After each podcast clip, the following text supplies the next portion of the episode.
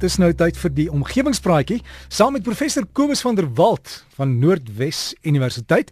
En Kobus, ek is seker dat jou braaigoed is reg in die huiskas. Ek hoop is lekker plaaswors. Môre. Môre Derek, môre al ons omgewingsvriende. Ja nee, ons het so 'n plan Derek. Mense kan daarin hierdie dag laat verbygaan sonder om ietsie op die kolle te gooi vanaand nie. En ek hoop al ons omgewingsvriende het 'n heerlike dag hier in Potchefstroom. Wonderlike pragtige oggend vanoggend. En dit is regtig heerlik om te lewe en dan sien ek hier op die bult is die mense besig om reg te maak vir aardklop. Uh ons almal die inwoners hier het so lekker gevoel want aardklop is weer terug waar hy begin het. Daar op die bult, op die plein, klein en intiem en heerlik. So ons sien baie uit na die volgende week of twee hier in Potchefstroom.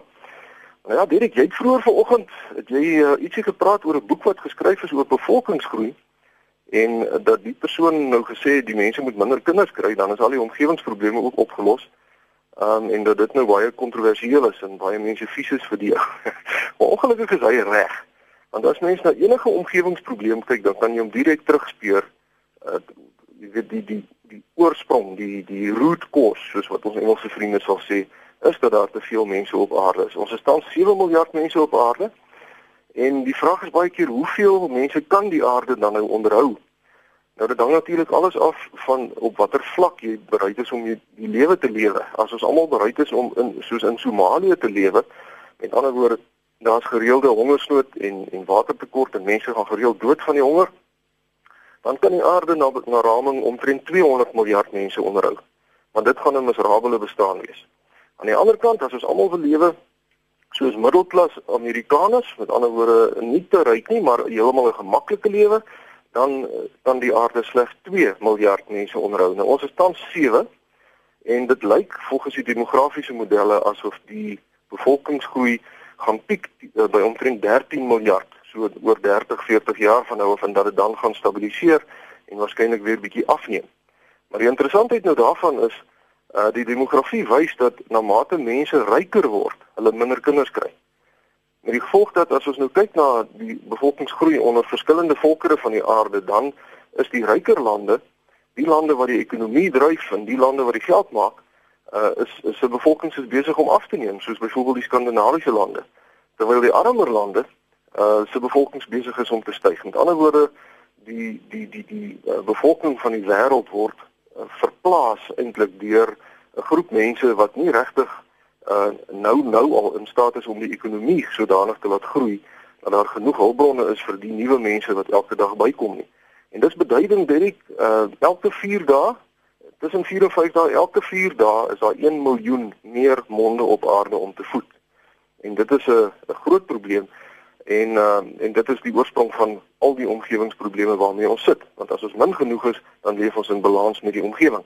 Maar nou ja, wat kan ons nou maak? Die mense is daar en intussen moet ons natuurlik probeer om so volhoubaar as moontlik te lewe.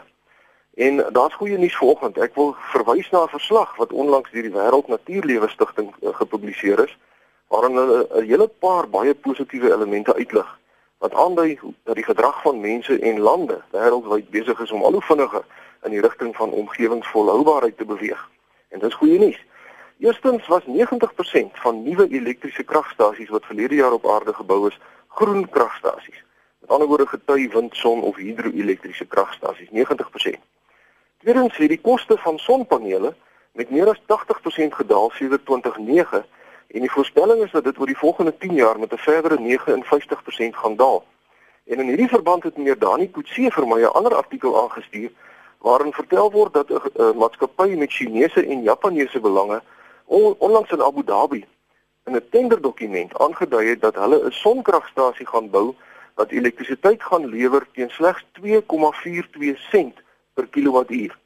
En dit is meer as 'n ordesyfer goedkoper as wat elektrisiteit kos wat met steenkool opgewek word. Nou as ons kyk na internasionale beleggings in groen energiebronne, dan was dit verlede jaar 286 miljard Amerikaanse dollar. Dit is baie geld.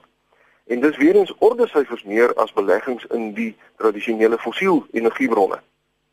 Daar werk reeds 8,1 miljoen mense in die groen energie sektor En van hierdie 8,1 miljoen mense is 2,8 miljoen mense in die sonkragindustrie alleen werksaam. En in China is die gebruik van steenkool as energiebron reeds besig om te daal as gevolg van die swaai na groen energiebronne. En 'n verdere goeie verwikkeling is dat omtrent 170 reuse multinasjonale maatskappye, dis nou regtig die groot besighede van die wêreld, 170 van hulle het onderneem om wetenskaplik gebaseerde teikens na te streef met betrekking tot kweekhuisgasvrystellings.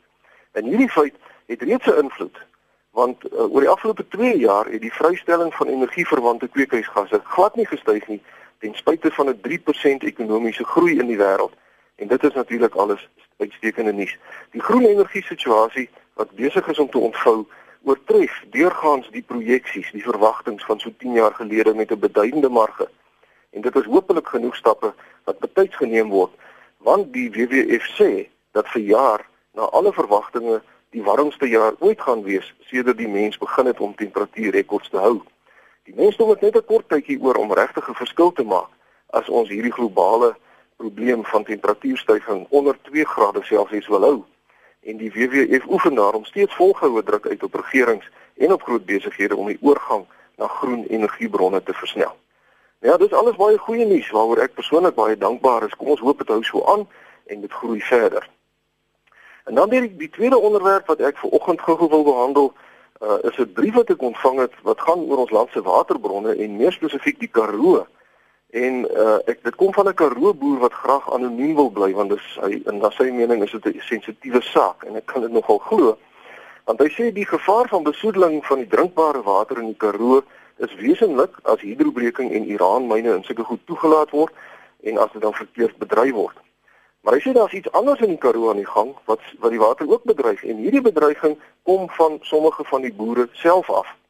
En dan verwys hy na die gebruik van spulpunte in die dorre Karoo. Hy sê ehm um, die waterverspilpunte word nou uit die boorgate gepomp met elektriese pompe en die gevolg is dat die grondwater in droë dele dramaties beïnvloed word. Hy sê in die sentraal Karoo waar hy boer is daar tans meer as 30 spulpunte naby hulle dorp. En die meeste van die spulpunte is redelik onlangs geïnstalleer. En hy sê die argument van die boere wat nou wel die spulpunte gebruik is dat dit 'n baie meer doeltreffende manier van besproeiing is as wat die tradisionele vloedbesproeiing is en dat dit daarom meer volhoubaar is.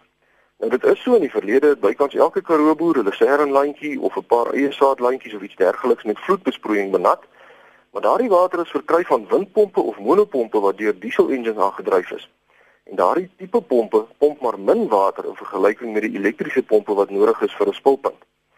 Nou die resultaat is dat die regionale grondwatervlak in hulle area nou al so gesak het dat daar van die spulpunte nou droog staan omdat die boorgate opgedroog het. Nou, ons omgewingsvriend het 'n hele paar syfers verskaf. Soos byvoorbeeld dat om 1 hektaar te besproei ongeveer 5000 liter water per uur benodig word en dit is 120000 liter water per dag en dan is dit so 3,3 miljoen liter water per maand. Maar dis net vir 1 hektaar. En hy sê die meeste van die spulpunte is so in die orde van 8 hektaar groot. En ek het bietjie gaan kyk op internet bronne, die saadmaatskappye sê dat 'n gewas soos 'n mielie omtrent 9 miljoen liter water per hektaar benodig vir 'n seisoen.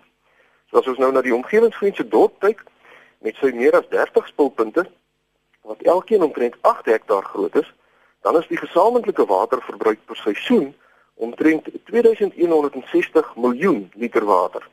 Om dit in perspektief te stel, om daardie volume water aan te ry met petrolmories gaan jy omtrent 50000 vragte water per seisoen nodig hê.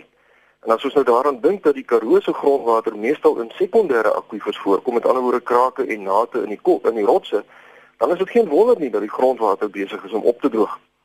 Daar is 'n hele paar aangetekende gevalle waar boere deur oormatige gebruik van spulpunte die grondwatertafel dramaties beïnvloed het En seker die bekendste voorbeeld is die sogenaamde Hoogland akwifer in Sentraal-Amerika wat omtrent 3.5 keer so groot is as wat die hele Vrystaat is. Nou die boere daar het so te kere gegaan met spulpunte dat groot dele van die area tans geen grondwater meer het nie. En die geohidroloog sê dit gaan duisende jare se reën neem om daardie grondwatervlakke weer te herstel. Nou as ons nou kyk na die Karoo, daar is eenvoudig te min grondwater om spulpuntontwikkeling op groot skaal toe te laat.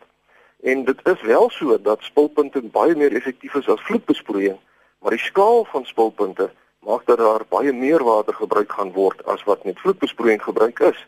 En na regte behoort die boere in die Karoo eerder iets soos drupbesproeiing te oorweeg as mens na die beperkte hoeveelheid water kyk.